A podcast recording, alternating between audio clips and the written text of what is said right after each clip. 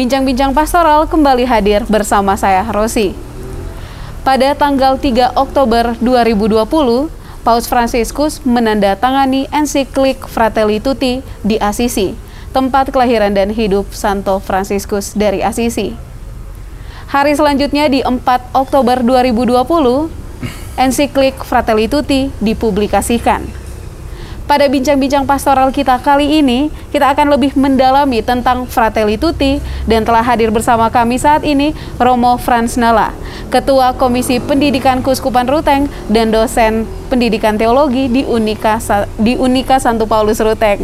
Salam berjumpa Romo Franz. Salam jumpa Rosi. Apa kabar hari ini Romo? Luar biasa. Baik, cuaca agak mendung tetapi sejuk segar Iya, tetap sejuk segar dan semoga kita selalu sehat ya Romo. Iya, terima kasih. Nah, Romo, saya langsung ke pertanyaan pertama kita. Apa arti Fratelli Tutti dan kenapa diberi nama demikian, Romo?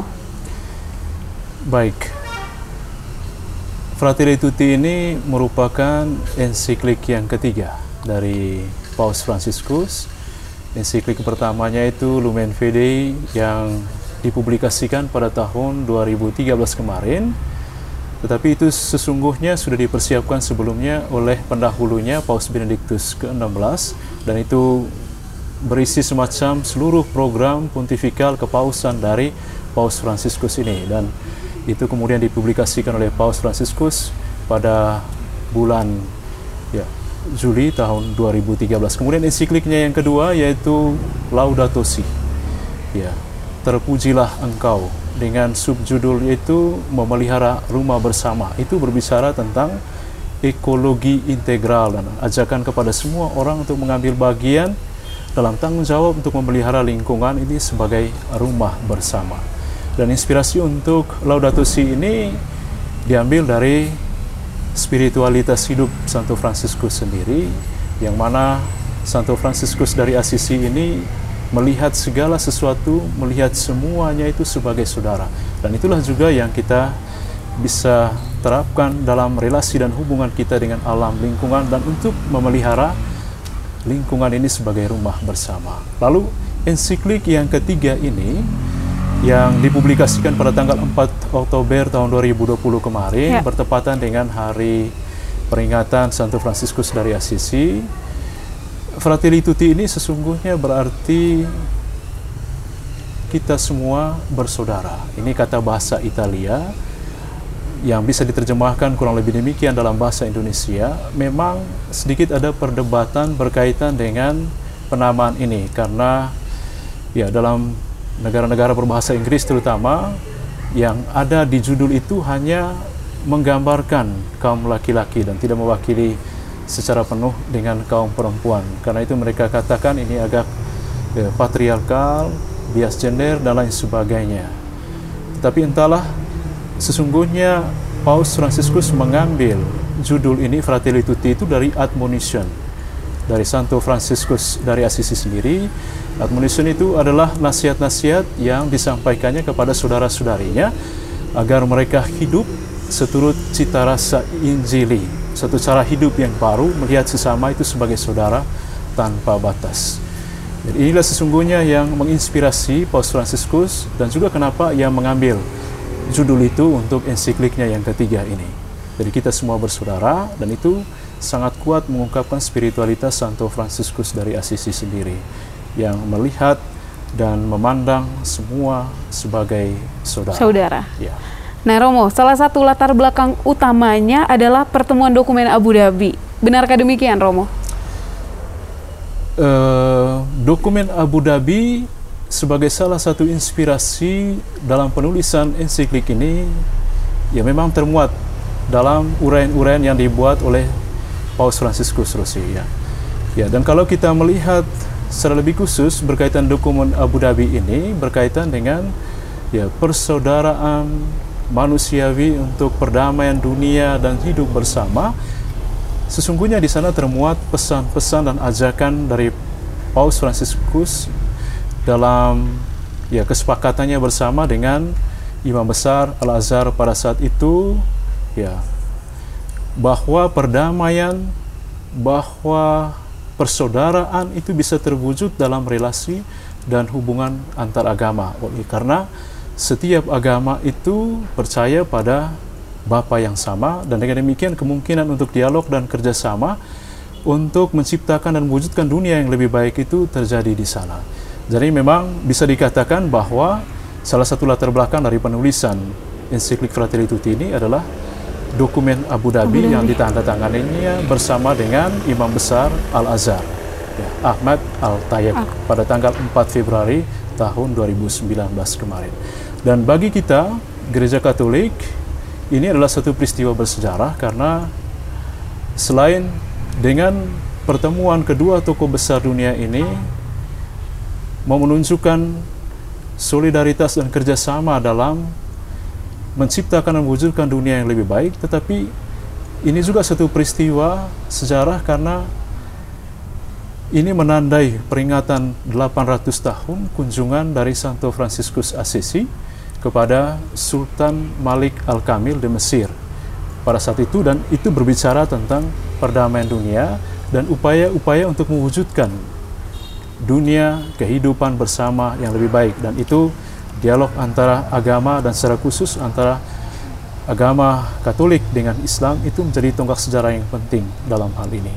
Dan karena itu poin-poin yang termaktub dalam kesepakatan bersama di Abu Dhabi itu juga terungkap dalam dokumen Fratelli Tutti ini. Dasar utamanya adalah bahwa semua orang menaruh kepercayaan pada Allah Bapa yang sama dan itulah yang memungkinkan orang bisa berdialog, bisa bekerja sama, bisa bersolidar untuk mewujudkan suatu tatanan dunia yang lebih baik. Ya. Romo berangkat dari yang baru saja Romo jelaskan. Nah, Fratelli Tutti mulai dari melihat situasi aktual di dunia yeah. dewasa ini ya Romo. Apa saja tema aktual yang menantang? Baik Rosi, uh, tema-tema aktual yang diangkat dalam ensiklik ini sesungguhnya cukup beragam ya. Dalam bab pertama dari ensiklik ini dengan judul Dunia dalam Bayang-bayang Kegelapan itu mengangkat isu-isu atau soal-soal yang menggambarkan krisis yang terjadi dalam dunia saat ini. Memang beberapa orang melihat bahwa bab pertama ini cukup pesimis ya karena dia mengangkat situasi dunia yang suram dengan banyak persoalan yang terjadi di sana. Kalau kita bisa memetakan beberapa persoalan yang diangkat oleh Paus dalam bab pertama dari ensiklik ini, kita bisa golongkan dalam beberapa kelompok. Yang pertama, persoalan yang berkaitan dengan budaya. Dia katakan ada suatu kultur tembok yang dibangun dalam kehidupan antar manusia dewasa ini. Jadi tidak ada relasi keterbukaan, tidak ada persaudaraan yang terjalin secara terbuka dan jujur di antara manusia dan itulah yang membuat orang akhirnya hidup sendiri sebagai pribadi atau sebagai kelompok komunitas tertentu dan ya enggan untuk keluar bergabung dan berkomunikasi dengan ya orang atau dengan kelompok atau komunitas lain. Ya. Lalu yang kedua berkaitan dengan isu sosial. Isu sosial ini menguatnya ya indifference me. Ya artinya sikap acu tak acu, sikap kurang peduli yang dimiliki oleh manusia terhadap sesamanya. Persoalan orang lain yaitu persoalan orang tersebut bukan ya. persoalan saya saya tidak mau mengambil peduli atau tidak menaruh keprihatinan terhadap dia ya itu dilatar belakangi oleh egoisme yang menguat dalam diri setiap orang ya hanya mau mencari kebaikan keuntungan kenyamanan untuk dirinya sendiri dan tidak mau mengambil pusing atau mengambil bagian dalam urusan atau persoalan yang dialami oleh orang lain. Ya. Lalu persoalan politik persoalan politik itu berkaitan dengan keadilan, kesetaraan, kesamaan hak dan itulah yang dilihat oleh Paus Franciscus dalam bagian pertama dari ensikliknya sebagai sesuatu yang pencang dalam kehidupan kita sekarang ini. Kita telah mendeklarasikan ya hak-hak asasi manusia 70-an tahun silam tetapi dalam kenyataannya sampai dengan sekarang ini kita ya belum sungguh-sungguh hidup dalam suasana di mana pengakuan penghargaan terhadap harkat dan martabat manusia itu sungguh-sungguh terjadi dan dijunjung tinggi. Lalu juga dari segi ekonomi, dalam bagian pertama dari ensiklik ini, Paul Paus Franciscus berbicara terutama berkaitan dengan sistem ekonomi neoliberalisme. Sistem ekonomi ini berorientasi pada keuntungan sebesar-besarnya pada seseorang atau pada sekelompok orang dan menciptakan jurang kemiskinan yang semakin besar baik antara orang-orang berada, orang kaya dan juga terhadap orang-orang miskin. Dan itulah yang di angkat oleh Paus Franciscus dalam bagian yang pertama dan ini bagian dalam situasi dunia yang diliputi oleh kesuraman yang terjadi saat ini. Dan satu persoalan khusus yang diangkatnya adalah persoalan pengangguran. Persoalan ya yang berkaitan dengan situasi ekonomi ada banyak orang yang kehilangan pekerjaannya oleh karena mereka tidak punya akses yang sama dalam ya bidang-bidang ekonomi atau dalam pekerjaan dan lain sebagainya. Selain itu, soal yang diangkat juga oleh Paus Franciscus di bab pertama dari ensikliknya ini adalah soal yang berkaitan dengan migrasi. Ya, ada begitu banyak orang yang karena situasi ketidakamanan, peperangan yang terjadi di negaranya harus keluar dari negaranya untuk mencari perlindungan dan untuk bisa menikmati kebebasan mereka sebagai pribadi atau sebagai individu. Dan dalam hal ini, Paus Franciscus menyerukan adanya solidaritas dan persaudaraan universal agar bisa menerima ya orang-orang yang menjadi korban ya dari negara-negara mereka yang tidak aman secara politik dan pergi mencari kenyamanan perlindungan di negara-negara lain untuk terbuka terhadap mereka-mereka ini karena mereka ini juga adalah manusia pribadi yang punya martabat dan oleh karena itulah mereka juga dalam arti tertentu punya hak untuk hidup, untuk bekerja, untuk mengembangkan diri mereka di mana saja mereka berada. Ya Romo dan ya. memang ternyata tema-tema aktualnya ya dekat sekali ya dengan uh, kondisi ya. kita saat ini mulai masalah sosial, ekonomi, politik yang lebih tadi di bagian ekonomi masalah pengangguran tadi itu Romo, kemudian masalah migrasi juga. Nah Romo, uh, situasi ini direfleksikan oleh Paus Fransiskus dalam terang iman manakah butir-butir refleksi biblis teologis yang mendasar dalam dokumen ini? Baik, Rusi. Uh, kalau kita lihat pendasaran biblis dari dokumen ensiklik Fratelli Tutti ini, ya kalau li kita lihat dari perjanjian lamanya dalam kitab Ayub bab 31 ayat 15 itu diungkapkan di sana bahwa semua manusia itu sama, ya, karena diciptakan sebagai gambar dan rupa Allah sendiri. Dan inilah dasar bagi ya kesamaan harkat dan martabat manusia dan inilah juga menjadi dasar untuk membangun suatu relasi kasih dan persaudaraan universal. Tetapi yang dibahas lebih banyak dan lebih dalam dalam ensiklik ini sebagai inspirasi oleh Paus Franciscus untuk menerangi dunia yang ada dalam situasi krisis dan kesuraman yang diangkatnya dalam bab pertama adalah dari Injil Lukas bab 10 ayat 25 sampai 37. Di sana ia mengangkat dan merefleksikan secara lebih mendalam ya kisah orang Samaria yang baik hati. Ya. Di sini Paus Fransiskus mau menunjukkan bahwa model bagi kita semua dalam menghadapi situasi krisis yang terjadi sekarang ini adalah sikap dari si Samaria yang baik hati itu.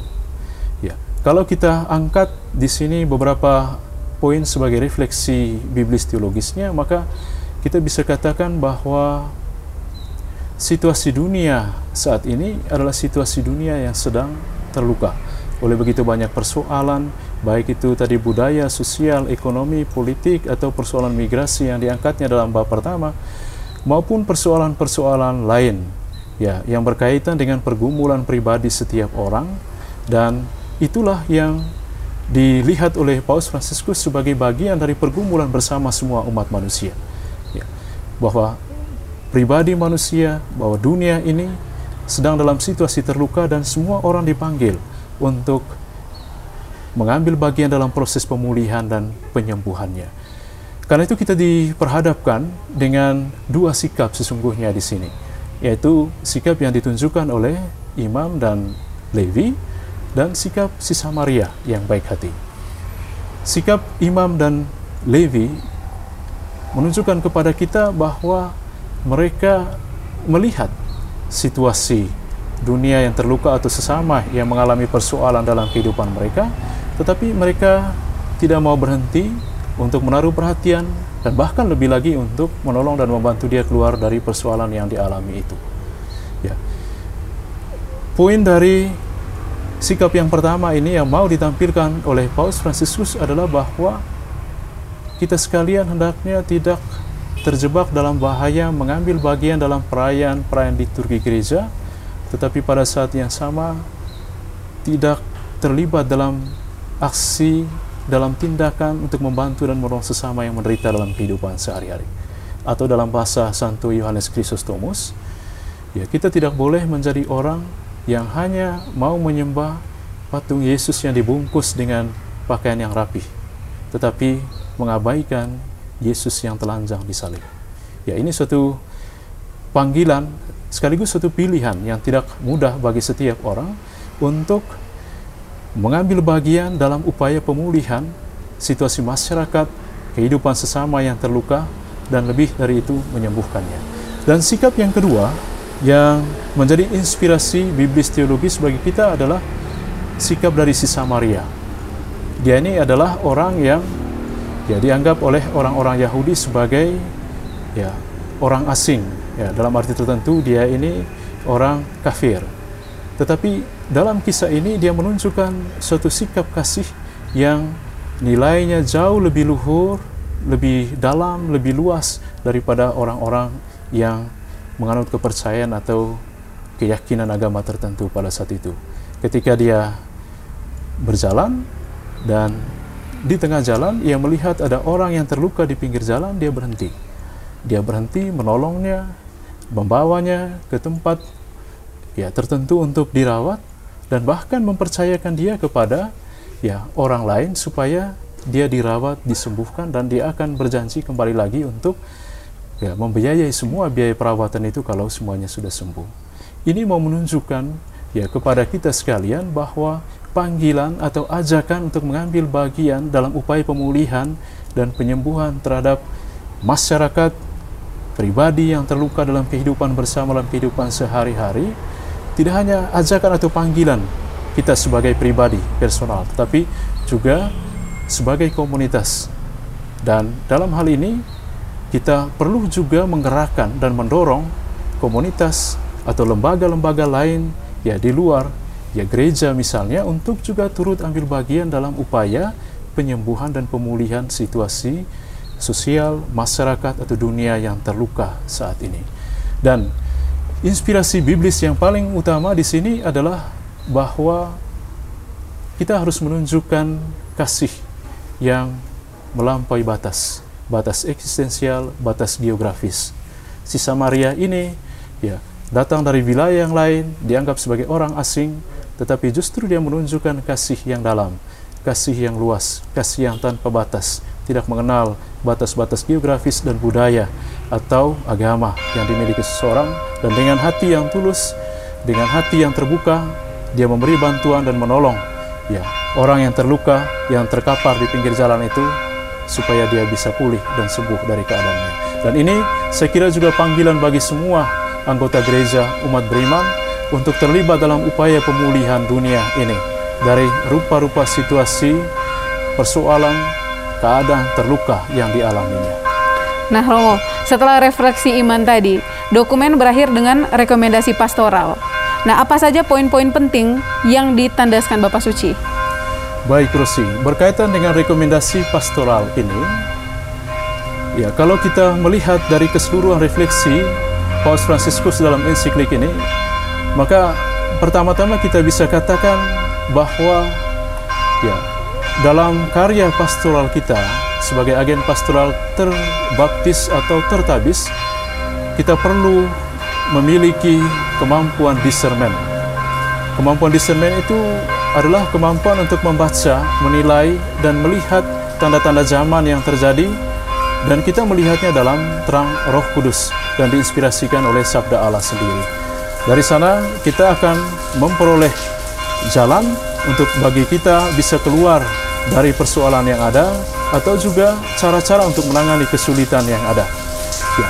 berkaitan dengan ini, metode pastoral yang bisa kita angkat dari dokumen ini adalah metode melihat situasi yang ada, yang terjadi, atau tanda-tanda zaman secara lebih luas, lalu menilainya, menilainya dalam terang iman, tradisi, kitab suci, dan Paus Fransiskus sangat kuat dalam hal ini, karena setelah melihat situasi krisis yang terjadi dalam dunia, dia melihatnya dalam terang sabda Allah sendiri, dalam hal ini inspirasi orang Samaria yang baik hati yang dia refleksikan secara mendalam, dan dari situ dia memutuskan untuk bertindak seperti apa.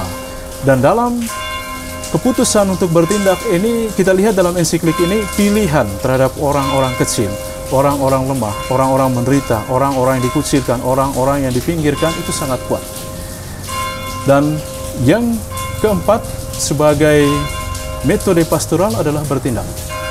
Ya, tidak cukup kita uh, melihat situasi yang ada, kita menilainya dan memutuskan yang tidak kalah pentingnya adalah bertindak.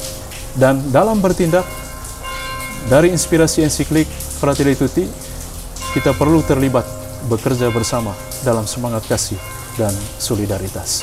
Dan hanya dengan demikian, mimpi besar Paus Fransiskus, harapan akan dunia yang lebih baik, yang diliputi oleh kasih dan persaudaraan universal akan sungguh-sungguh terwujud. Dan kita mulai itu sebagai suatu sikap pastoral dan itu kita jalankan dalam reksa pastoral kita sehari-hari.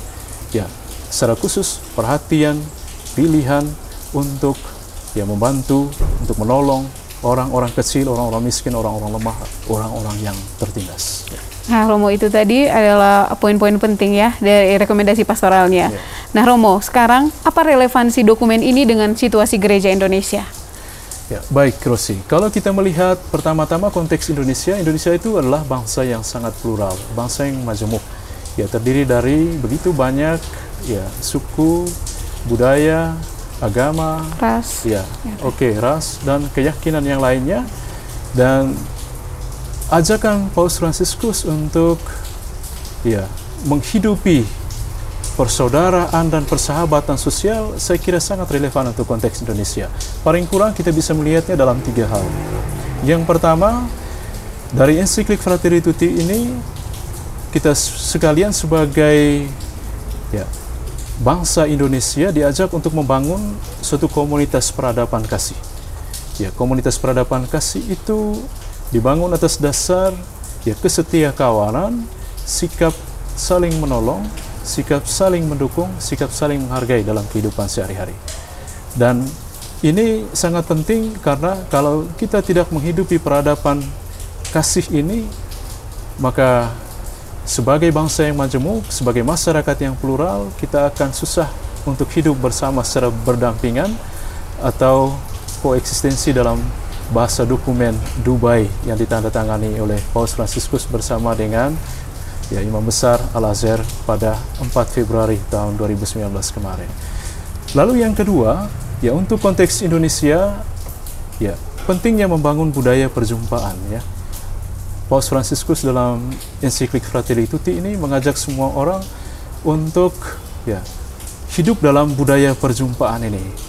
Ya, meninggalkan budaya tembok yang mana orang hidup dalam ya komunitasnya sendiri dalam ghetto kelompoknya masing-masing dan seterusnya ya dan ini akan menimbulkan ketakutan ya terhadap orang lain di luar kita dan kalau itu terjadi dalam kehidupan kita di Indonesia sebagai bangsa yang plural maka ya kebersamaan kesatuan kita akan terancam di sana karena itu budaya perjumpaan dalam semangat keterbukaan dialog dan persaudaraan itu sungguh-sungguh kita butuhkan dan dari situ ya kita ya bisa mengembangkan kehidupan berbangsa dan bernegara secara lebih baik. Lalu yang ketiga ya mengembangkan semangat toleransi ya.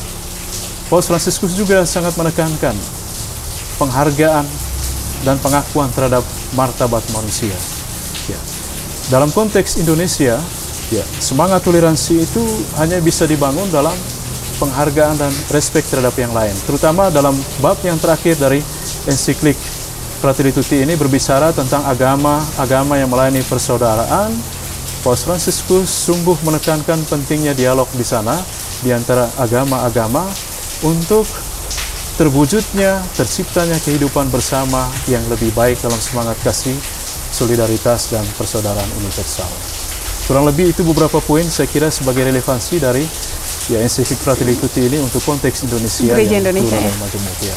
Iya Romo, ah, perbincangan kita asik sekali sampai hujan turun nih Romo. Kita langsung ke pertanyaan terakhir ini Romo. Adakah inspirasi inspirasi penting bagi tahun tata layanan pastoral kasih yang dijalankan kuskupan kita tahun 2021 ini dari ensiklik ini Romo? Ya, tentu saja Rosi, ya. Sebagaimana kita sudah lihat dan bicarakan bersama bahwa ensiklik Fratelli Tutti ini dia berbicara secara khusus tentang ya persaudaraan dan persahabatan sosial. Ya, tahun ini kita juga mengangkat suatu fokus refleksi kerja bersama tata layanan pastoral kasih. Saya kira ensiklik Fratelli Tutti memberi kita inspirasi yang begitu banyak. Ya, paling kurang kita mendasari seluruh reksa pastoral kita di kuskupan ini dengan semangat kasih dan solidaritas. Dan inilah pesan utama yang disampaikan oleh Paus Fransiskus ini dalam ensikliknya. Karena itu, kita perlu keluar dari egoisme, egoisme sektoral, egoisme kelompok, atau egoisme pribadi yang berusaha untuk mengejar ya prestasi atau popularitas pribadi untuk bisa bekerja secara bersama-sama membangun kehidupan umat di kuskupan kita ini yang dilandasi oleh semangat kasih dan solidaritas. Lalu yang kedua, Rusi, ya di tahun tata layanan pastoral kasih ini dalam inspirasi ensiklik Fratelli Tutti kita sekalian sebagai umat satu kuskupan ini diajak untuk menjadikan pilihan kita dalam pelayanan kasih ini.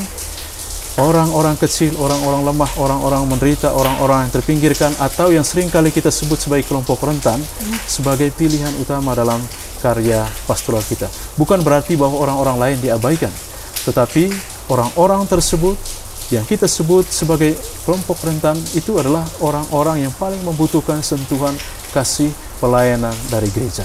Dan tentu saja semua ini hanya bisa terwujud dan dijalankan dengan baik kalau semua kita bekerja secara bersama-sama. Ya, kalau kita tidak bekerja secara bersama-sama, maka visi pastoral kasih ini yang melandasi seluruh reksa pastoral kita di tahun ini agak susah untuk terwujud ya dalam realitas atau dalam ya kenyataan pastoral di kuskupan ini. Oke Romo, uh, demikianlah bincang-bincang pastoral kita edisi kali ini. Terima kasih kepada Romo Frans yang telah berbincang dan berbagi banyak info, informasi kepada kita kali ini. Akhirnya saya Rosi pamit undur diri. Sampai jumpa di bincang-bincang pastoral edisi berikutnya.